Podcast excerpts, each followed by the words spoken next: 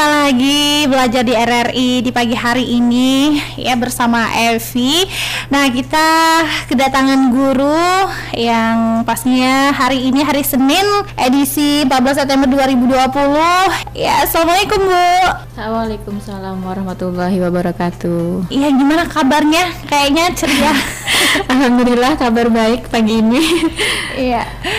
Oke, eh, perkenalkan nama saya Widi Astuti dari Sekolah SMKN 2 Bunguran Timur. Pagi ini kita akan membahas pelajaran produktif dengan mata pelajaran keamanan pangan dengan judul materi memahami sanitasi dan hygiene di bidang makanan. Kemudian untuk siswa-siswi yang hari ini lagi sedang UTS, mm -hmm. semangat selalu. Semoga dapat menjawab pertanyaannya dengan baik dan benar ya. Baiklah, Pagi ini kita akan membahas materi tentang memahami sanitasi dan hygiene di bidang makanan. Kita terlebih dahulu akan membahas yang pertama tentang latar belakang pentingnya hygiene dan sanitasi makanan. E, yang kedua, pengertian hygiene dan sanitasi makanan. Yang ketiga, ruang lingkup hygiene dan sanitasi makanan. Yang keempat, prinsip hygiene dan sanitasi dan yang kelima, pengaruh makanan terhadap kesehatan. Nah, yang pertama kita membahas latar belakang pentingnya hygiene dan sanitasi makanan. Makanan merupakan kebutuhan mendasar bagi kehidupan manusia. Makanan sering sekali menjadi penyebab terjadinya gangguan dalam tubuh kita sehingga kita sering sekali jatuh sakit. Salah satu cara untuk memelihara kesehatan adalah dengan mengkonsumsi makanan yang aman, yaitu dengan memastikan makanan tersebut dalam keadaan bersih dan terhindar dari penyakit. Makanan yang dibutuhkan dibutuhkan harus sehat dalam arti memiliki nilai gizi yang optimal seperti vitamin, mineral, lemak, dan lain sebagainya. Bila salah satu faktor tersebut terganggu, maka makanan yang dihasilkan akan menimbulkan gangguan kesehatan dan penyakit bahkan keracunan makanan. Salah satu di antaranya dikarenakan terkontaminasi. Kontaminasi yang terjadi pada makanan dan minuman dapat menyebabkan makanan tersebut menjadi media bagi suatu suatu penyakit. Sanitasi makanan lebih ditekankan pada pengawasan terhadap pembuatan dan penyajian bahan makanan agar terhindar untuk membahayakan kesehatan. Dalam sanitasi makanan, permasalahan yang menyangkut nilai gizi ataupun mengenai komposisi bahan makanan yang sesuai dengan tubuh jarang diperhatikan. Dalam hal ini, apa sih yang dimaksud dengan sanitasi hygiene? Nah, pengertian hygiene ialah suatu upaya atau tindakan untuk menjaga atau meningkatkan kebersihan dan kesehatan dengan melakukan pemeliharaan dini terhadap semua individu dan faktor lingkungan yang mempengaruhinya. Tujuannya ialah agar setiap individu tidak terkena kuman penyebab penyakit. Nah, berdasarkan kasus di atas terlihat betapa besarnya peran hygiene dan sanitasi di bidang makanan. Penerapan hygiene dan sanitasi makanan menjadi sangat penting antara lain disebabkan oleh yang pertama persaingan yang semakin ketat antara industri makanan semakin banyaknya industri di bidang makanan. Yang kedua, tuntutan konsumen terhadap kebersihan, keamanan, dan rasa makanan yang dibeli, serta kenyamanan lingkungan. Yang ketiga,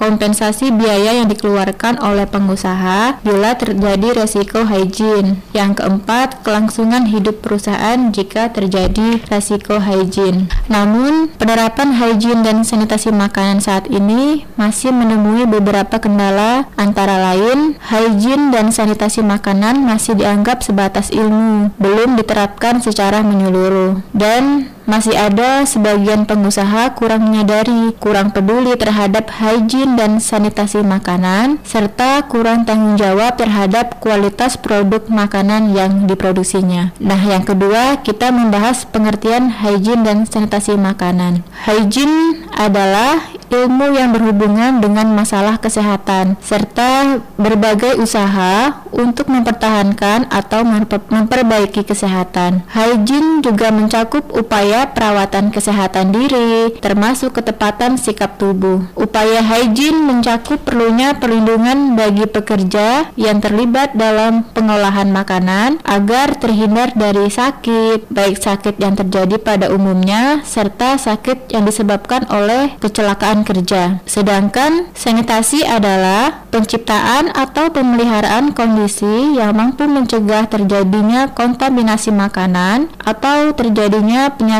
yang disebabkan oleh makanan. Secara garis besarnya, hygiene merupakan usaha seseorang atau individu dan sanitasi merupakan faktor dari lingkungan seseorang atau individu. Nah, upaya sanitasi makanan ini terdapat beberapa tahapan yang harus diperhatikan, yaitu yang pertama, keamanan dan kebersihan produk makanan yang diproduksinya. Yang kedua, kebersihan individu dalam pengolahan produk makanan. Yang ketiga, keamanan terhadap penyediaan air, pengelolaan pembuangan air limbah dan kotoran. Yang keempat, perlindungan makanan terhadap kontaminasi selama proses pengolahan, penyajian, dan penyimpanan. Yang kelima, pencucian dan pembersihan alat perlengkapan. Nah, tujuan penyehatan makanan itu sendiri meliputi tindakan-tindakan sanitasi yang ditunjukkan pada semua tingkatan, sejak makanan mulai dibeli, disimpan, diolah, dan disajikan untuk melindungi agar konsumen tidak dirugikan kesehatannya. Dengan demikian, tujuan sebenarnya dari upaya sanitasi makanan antara lain menjamin ke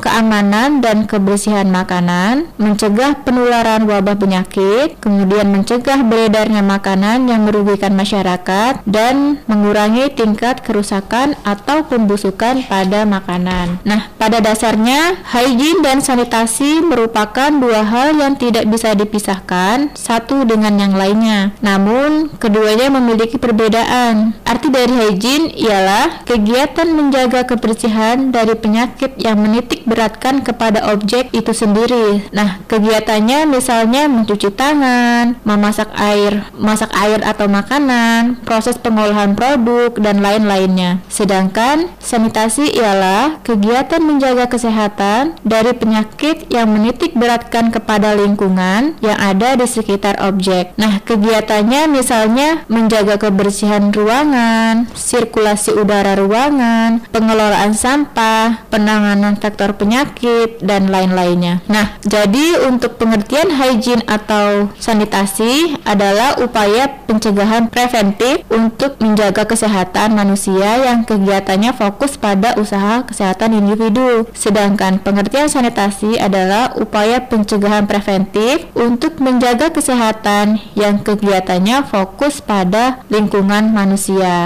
Nah, itu pengertian dari sanitasi hygiene makanan nah Kak Evi. Iya, untuk materi selanjutnya kita bahas nanti ya setelahnya ya. Iya. Oke, sampai kreatif itu tadi uh, materi keamanan pangan yang disampaikan oleh Ibu Widi. Dan yang ingin bertanya, silakan aja nih melalui chat WA di 0822 8425 4102. Yang barangkali ingin tahu seperti apa keamanan pangan karena keseharian kita ya pasti berkenaan sama uh, pangan ini setiap hari kita konsumsi aman apa tidaknya seperti apa prosedurnya. Iya. Oke, jadi yang ingin bertanya silakan aja tidak harus untuk siswa-siswi, nah, untuk yang di rumah juga bisa bertanya ya Bu ya. Iya. Pagi-pagi gini enaknya makan apa ya? Wah, pagi-pagi gini sih enaknya nyabu bro Nyabu? Emang kamu nggak takut ditangkap polisi? Nyabu yang aku maksud itu nyarap bubur bro Bukan pakai sabu-sabu Ya tampak sih boleh sangar Tapi untuk cobain barang haram seperti narkoba No way Apa jadinya bangsa ini jika generasi penerusnya terjebak dalam narkoba? Jadi? Katakan tidak pada narkoba Iklan layanan masyarakat ini disampaikan Lembaga Penyiaran Publik Radio Republik Indonesia. RRI Pro 2 FM, suara kreativitas. ya materi kita di pagi hari ini keamanan pangan. Latar belakang pentingnya hygiene dan sanitasi makanan. Iya. Nah, yang kedua pengertian dari sanitasi dan hygiene pada makanan. Oke. Oke. Nah kita lanjut lagi. Nah sambil uh, mendengarkan uh, pembahasan materi selanjutnya yang disampaikan oleh Bu Widi yang ingin bertanya juga boleh melalui 0822 84254102 di chat WA di Sahabat Kreatif. Oke Bu, Bu, silakan dilanjut kembali ah, materinya. Oke, sekarang kita akan membahas tentang ruang lingkup hygiene dan sanitasi makanan. Adapun ruang lingkup hygiene dan sanitasi makanan, di antaranya yaitu pertama ruang lingkup hygiene. Ruang lingkup hygiene di sini kita membahas tentang personal hygiene atau kebersihan perorangan adalah suatu usaha untuk memelihara kebersihan dan kesehatan seseorang untuk kesejahteraan fisik dan psikis. Nah, hygiene makanan dan minuman adalah suatu usaha untuk menjaga dan memelihara kebersihan makanan dan minuman yang dikonsumsi oleh manusia. Nah, yang kedua kita membahas ruang lingkup sanitasi. Yang pertama tentang penyediaan air bersih. Nah, penyediaan air bersih ini meliputi pengawasan terhadap kualitas, kuantitas, dan pemanfaatan air. Nah, yang kedua pengelolaan sampah meliputi cara pembuangan sampah, peralatan pembuangan sampah, dan cara penggunaannya. Yang ketiga pengolahan makanan dan minuman meliputi pengadaan, penyimpanan, pengolahan, dan penyajian makanan. Nah, yang keempat, pengawasan atau pengendalian serangga dan binatang pengerat meliputi cara pengendalian serangga dan binatang pengerat. Yang terakhir, kesehatan dan keselamatan kerja. Ini melakukan kegiatan K3 meliputi ruang kerja misalnya ruang dapur, pekerjaan, cara kerja dan tenaga kerja. Nah, seperti yang dijelaskan pada pengertian hygiene dan sanitasi di atas, berikut adalah adalah beberapa manfaat hygiene dan sanitasi secara umum. Yang pertama, memastikan tempat beraktivitas bersih dan yang kedua, melindungi setiap individu dari faktor lingkungan yang dapat merusak kesehatan fisik dan mental. Yang ketiga, tindakan pencegahan terhadap penyakit menular. Terakhir, tindakan pencegahan terhadap kecelakaan kerja. Tindakan hygiene dan sanitasi seharusnya dimulai dari diri sendiri. Kebiasaan yang yang baik menjaga kebersihan dan kesehatan akan berdampak besar bagi lingkungan kita. Jadi, dalam hal ini, personal hygiene punya peranan yang sangat penting. Contoh dari tindakan personal hygiene yaitu kita mencuci tangan hingga bersih setiap kali akan makan, kemudian mandi dan menggosok gigi secara teratur untuk menjaga kebersihan, kemudian menjaga kebersihan bahan makanan dan juga makanan yang telah diolah, kemudian menjaga kebersihan semua peralatan memasak dan wadah makanan. Untuk contoh dari tindakan sanitasi lingkungan lingkungan yaitu membuat dan mengatur saluran pembuangan air hujan di pinggir jalan. Kemudian ada membuat dan mengatur saluran pembuangan limbah rumah tangga, dapur dan kamar mandi. Kemudian membuang sampah pada tempat yang telah disediakan dan yang terakhir pengelolaan limbah atau sampah dengan baik, teratur dan berkesinambungan. Misalnya dengan memilih sampah plastik, kertas, memilah sampah plastik, kertas organik dan kaca dan atau logam. Tadi kita sudah membahas tentang ruang lingkup hygiene dan sanitasi makanan ya. Masuk ke pembahasan selanjutnya yaitu prinsip hygiene dan sanitasi makanan. Nah, Pengertian dari prinsip hygiene dan sanitasi makanan adalah pengendalian terhadap tempat bangunan, peralatan, orang, dan bahan makanan. Nah, prinsip ini penting untuk kita untuk diketahui karena berperan sebagai faktor kunci keberhasilan usaha makanan. Suatu usaha makanan yang telah tumbuh dan berkembang dengan baik jika melalaikan prinsip-prinsip hygiene sanitasi makanan dan minuman, besar kemungkinan pada suatu saat akan merugi. Nah, menurut Departemen Kesehatan Republik Indonesia tahun 2004, ada enam prinsip hygiene makanan dan minuman. Yang pertama, prinsip pemilihan bahan makanan. Untuk pemilihan bahan makanan, kualitas bahan makanan yang baik dapat dilihat melalui ciri-ciri fisik dan mutunya. Dalam hal ini bisa dilihat dari bentuk, warna, bau, dan lainnya. Bahan makanan yang baik terbebas dari kerusakan dan pencemaran termasuk pencemaran oleh bahan kimia atau seperti pestisida. Adapun sumber bahan makanan yang baik yaitu pusat penjualan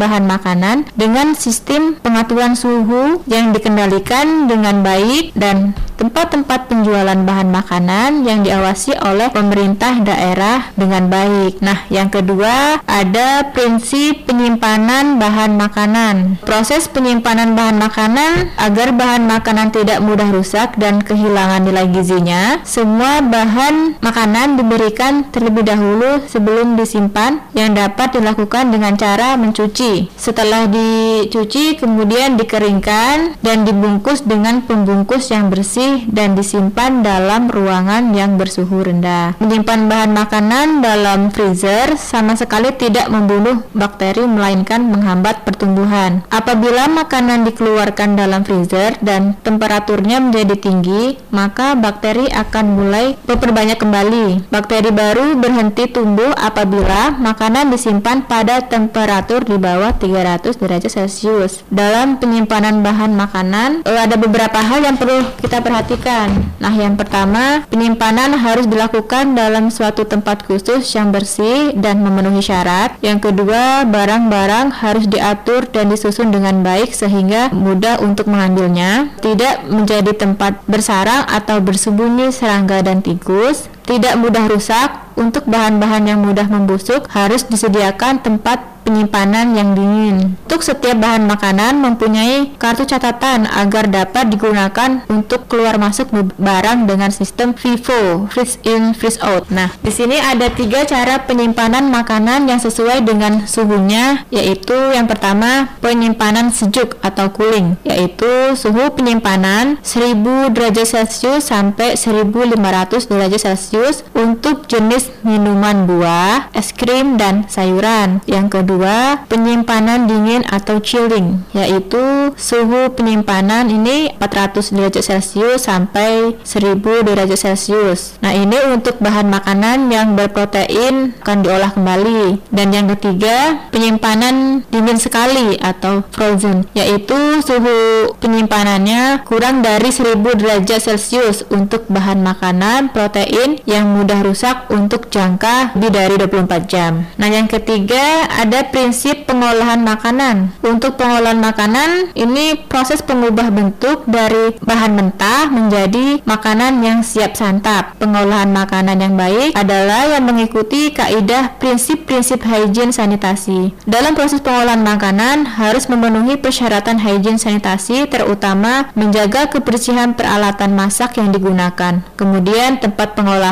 atau yang disebut dapur serta kebersihan penjamah makanan. Nah, yang keempat ada prinsip penyimpanan makanan. Untuk menyimpan makanan dan minuman yang sudah masak di tempat-tempat yang tidak terjangkau tikus, serangga, binatang pengganggu lainnya. Adapun karakteristik dari pertumbuhan bakteri pada makanan makanan masak yang harus dipantau dan dijaga adalah kadar air makanan, jenis makanan dan suhu makanan. Yang kelima, untuk prin, uh, ada prinsip pengangkutan makanan. Untuk pengangkutan makanan yang sehat akan sangat berperan di dalam pencegahan terjadinya pencemaran makanan. Nah, pencemaran pada makanan lebih tinggi risikonya daripada pencemaran pada bahan makanan. Oleh karena itu, titik berat pengendalian yang perlu diperhatikan adalah pada makanan masak. Dalam proses pengangkutan makanan, banyak pihak yang terkait mulai dari persiapan, perwadahan, terus orang yang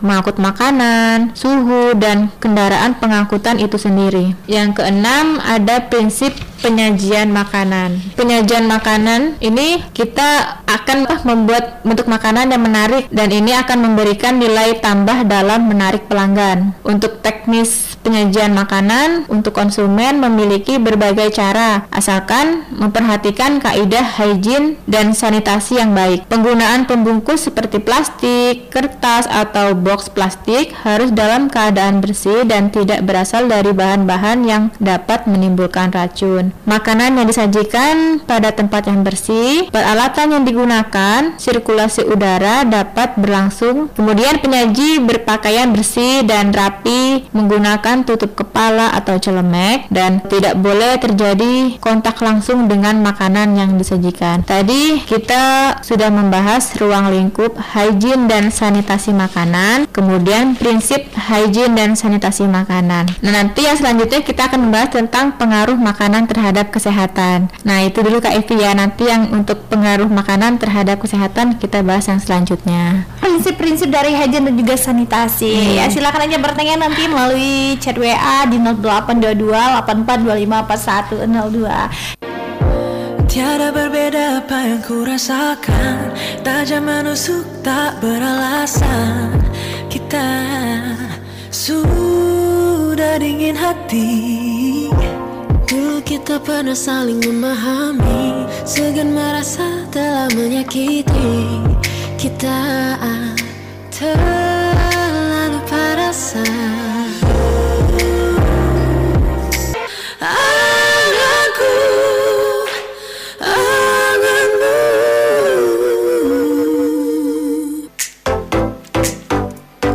bersama guru Ibu Widi dari SMK 2 Bunguran Timur. Iya. Oke Bu, kita langsung aja nih membahas uh, materi selanjutnya. Iya, untuk materi selanjutnya kita akan membahas tentang pengaruh makanan terhadap kesehatan. Makanan merupakan salah satu pokok kebutuhan manusia untuk kelangsungan hidupnya. Oleh karena itu, makanan merupakan hal yang penting bagi manusia. E, pentingnya makanan bagi manusia selain dapat dirasakan dalam kehidupan sehari-hari, zat makanan dalam tubuh mempunyai fungsi sebagai sumber energi, sebagai zat pembangun dan zat pengatur. E, oleh sebab itu, makanan yang cukup diperlukan agar badan mempunyai tenaga yang cukup untuk mempertahankan kehidupan jasmani dapat tumbuh dengan baik, sehat dan kuat. Kecukupan makanan diperlukan agar tubuh tidak menjadi sakit baik oleh sebab defisiensi atau sebab dari luar. Dari sudut kesehatan lingkungan, pengaruh makanan terhadap kesehatan yang harus diperhatikan ialah peranan makanan atau minuman sebagai faktor atau agen penyakit yang ditularkan melalui makanan yaitu yang pertama parasit-parasit seperti Taenia sagniata, Taenia solium, Dipolaboratorium latum, Trisenella spiralis dan sebagainya. Parasit-parasit ini masuk dalam tubuh manusia melalui daging sapi, ikan yang terkena infeksi dan dimakan tanpa memasaknya cukup lama agar e, larva-larva parasit yang ada di dalam daging mati. Yang kedua, mikroorganisme seperti Salmonella typhi, Shigella dysentery, faver, virus hepatitis dan sebagainya yang dapat mengkontaminasi makanan dan masuk dalam tubuh manusia. Yang ketiga, toksin yang diproduksi oleh bakteri-bakteri eksotoksin yang ada dalam makanan, misalnya enterotoksin dari Staphylococcus exotoksin dari Clostridium botulinum. Yang keempat, penggunaan tanaman atau bahan lain yang beracun sebagai bahan makanan seperti jamur beracun, eh, kemudian tempe bongkrek dan sebagainya dan sebagainya. Nah, beberapa faktor yang baik langsung maupun tidak langsung berpengaruh terhadap makanan adalah yang pertama air. Nah, ini erat sekali hubungannya dengan makanan. Oleh karena itu, air diperlukan dalam semua proses pengolahan makanan. Dalam beberapa hal, air sangat menentukan kualitas makanan. Yang kedua, air kotor. Berbagai macam bahan organik dan anorganik terlarut dalam air kotor merupakan sumber dari kuman-kuman patogen, terutama untuk kuman-kuman yang berasal dari saluran pencemaran. Nah, ini sangat berperan penting sebagai sumber pencemaran bagi air dan makanan. Yang ketiga, tanah. Nah, tanah yang mengandung mikroorganisme dapat mengkontaminasi makanan dengan cara yang pertama mungkin terbawa oleh alat-alat masuk ke dalam tempat makanan atau penyimpanan makanan dan akhirnya sampai ke makanan itu sendiri. Yang kedua, terkait pada bagian tanaman-tanaman atau sayuran dan sebagainya. Dan yang ketiga, melalui makanan yang dibungkus dengan bahan bahan atau kertas yang e, terkontaminasi oleh tanah yang mengandung mikroorganisme. Yang keempat ini faktor-faktornya udara. Adanya mikroorganisme di udara karena terbawa oleh partikel-partikel debu, air atau titik-titik ludah yang sudah disebarkan oleh orang atau hewan, batuk atau berbangkis. Nah, tergantung dari lokasi, musim, pergerakan dan udara. Dan faktor yang kelima yaitu manusia. Manusia itu sendiri merupakan sumber paten dari kuman-kuman Staphylococcus aureus, Salmonella, Clostridium perfringens dan Enterococcus coccus. Berikutnya ini ada beberapa tips pola makanan yang sehat yang dapat kita terapkan dalam kehidupan sehari-hari. Yang pertama, kita harus memperbanyak mengkonsumsi bahan makanan dari tumbuhan. Nah, bahan makanan dari tumbuhan itu sendiri merupakan bahan makanan utama untuk pencegahan kanker. Hal ini karena sayur dan buah merupakan sumber utama phytochemicals yaitu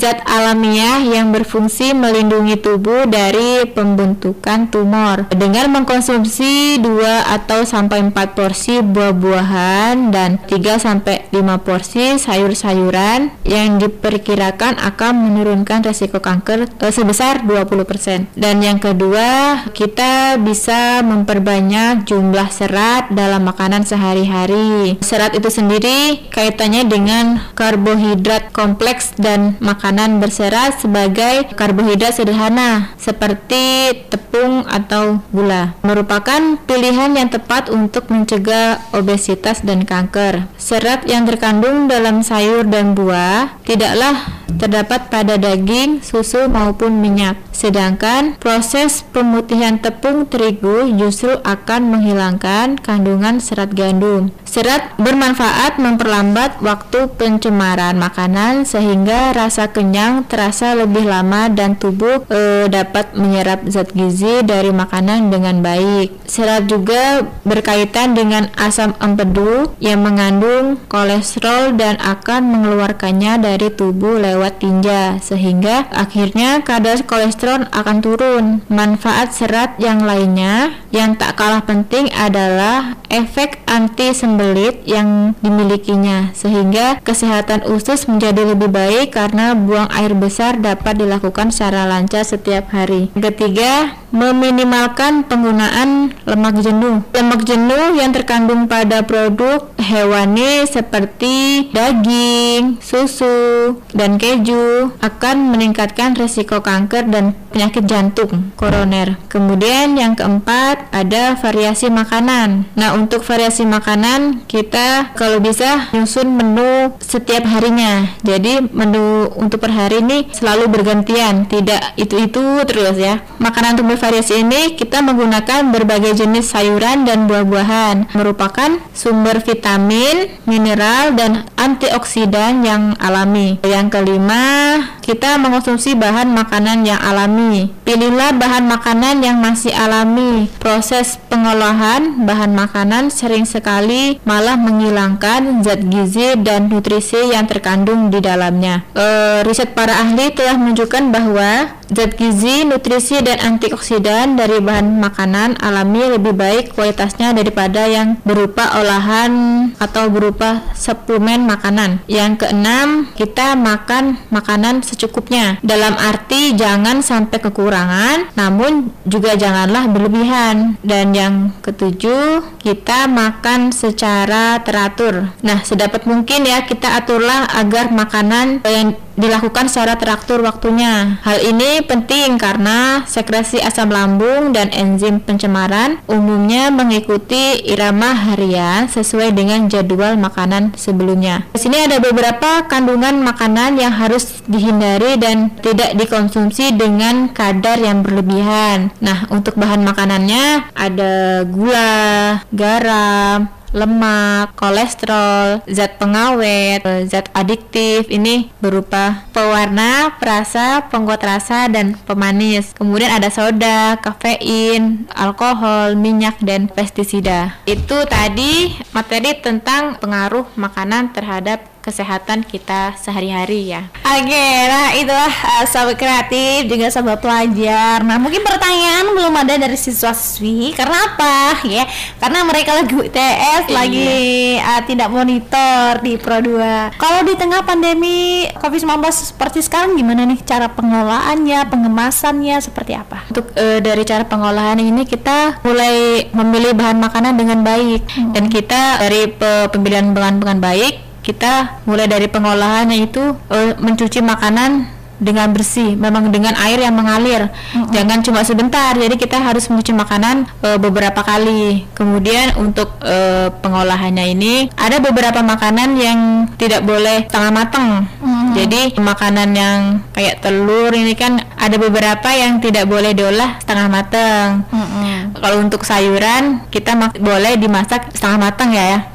Tapi ini tidak semua jenis sayuran juga, ada tertentu aja. Sebelum kita apa mengolah makanan, tubuh kita juga dalam kondisi yang baik, dalam kondisi yang sehat. Terutama awalnya kita mencuci tangan terlebih dahulu. Kondisi tubuh kita harus benar-benar bersih. Kita tidak membawa kuman untuk mengolah makanan itu sendiri. Nah, untuk penyajiannya ini kita juga harus memperhatikan alat yang kita gunakan ini bersih atau tidak. Misalkan makanan yang kita olah bersih, namun untuk penempatan ala eh, masakannya ternyata alatnya tidak tidak bersih, kan itu juga akan mempengaruhi dari makanan itu sendiri. Jadi begitu Kak Evi. Oke, ya memilih makan makanan ya karena ya kita tidak tahu ya lebih baik bikin sendiri di rumah lebih ya, aman. ya, lebih aman nah di tengah pandemi untuk saat ini dan juga untuk penjual nah ya uh, harus lebih memperhatikan kebersihannya. Iya. Hmm. Oke, Bu, mungkin ada pesan-pesannya buat untuk uh, pengelola makanan. Mungkin ada tips-tipsnya biar aman ya uh, di tengah pandemi COVID-19. kita sebagai konsumen atau pembeli mungkin lebih selektif untuk memilih makanan. Jadi kita harus perhatikan kira-kira tempat yang kita beli itu keadaannya bersih atau tidak, makanannya kira-kira. Mungkin untuk penjualnya juga di sini kita nggak boleh ngolah makanan dengan sembarangan tanpa kita melihat eh, sanitasi dan hygiene-nya atau kebersihannya. Jadi jangan karena buru-buru untuk mengolah makanan kita melupakan kebersihan dari makanan itu sendiri tanpa dicuci kan kadang kita lihat juga banyak yang seperti itu ya. Nah, Iya. Nah, kita nggak boleh. Kita tetap harus menjaga eh, kesehatan dari konsumen kita itu sendiri. Jadi gitu kayak Evi. Oke Bu, kayaknya udah di akhir kebersamaan. Terima Iya. kasih sudah memberikan materi dan juga inspirasi-inspirasi untuk pendengar setia itu sahabat kreatif Iya. kita. Bagaimana memilih makanan, mengolah makanan dengan baik ya berkaitan dengan materi keamanan pangan. Terima kasih Bu. Iya. Sama Kak Evi. Next time kita jumpa lagi. Iya. Oke deh. Dan sampai jumpa sahabat kreatif di lain kesempatan. Pokoknya Happy mengucapkan selamat beraktivitas dan selamat siang.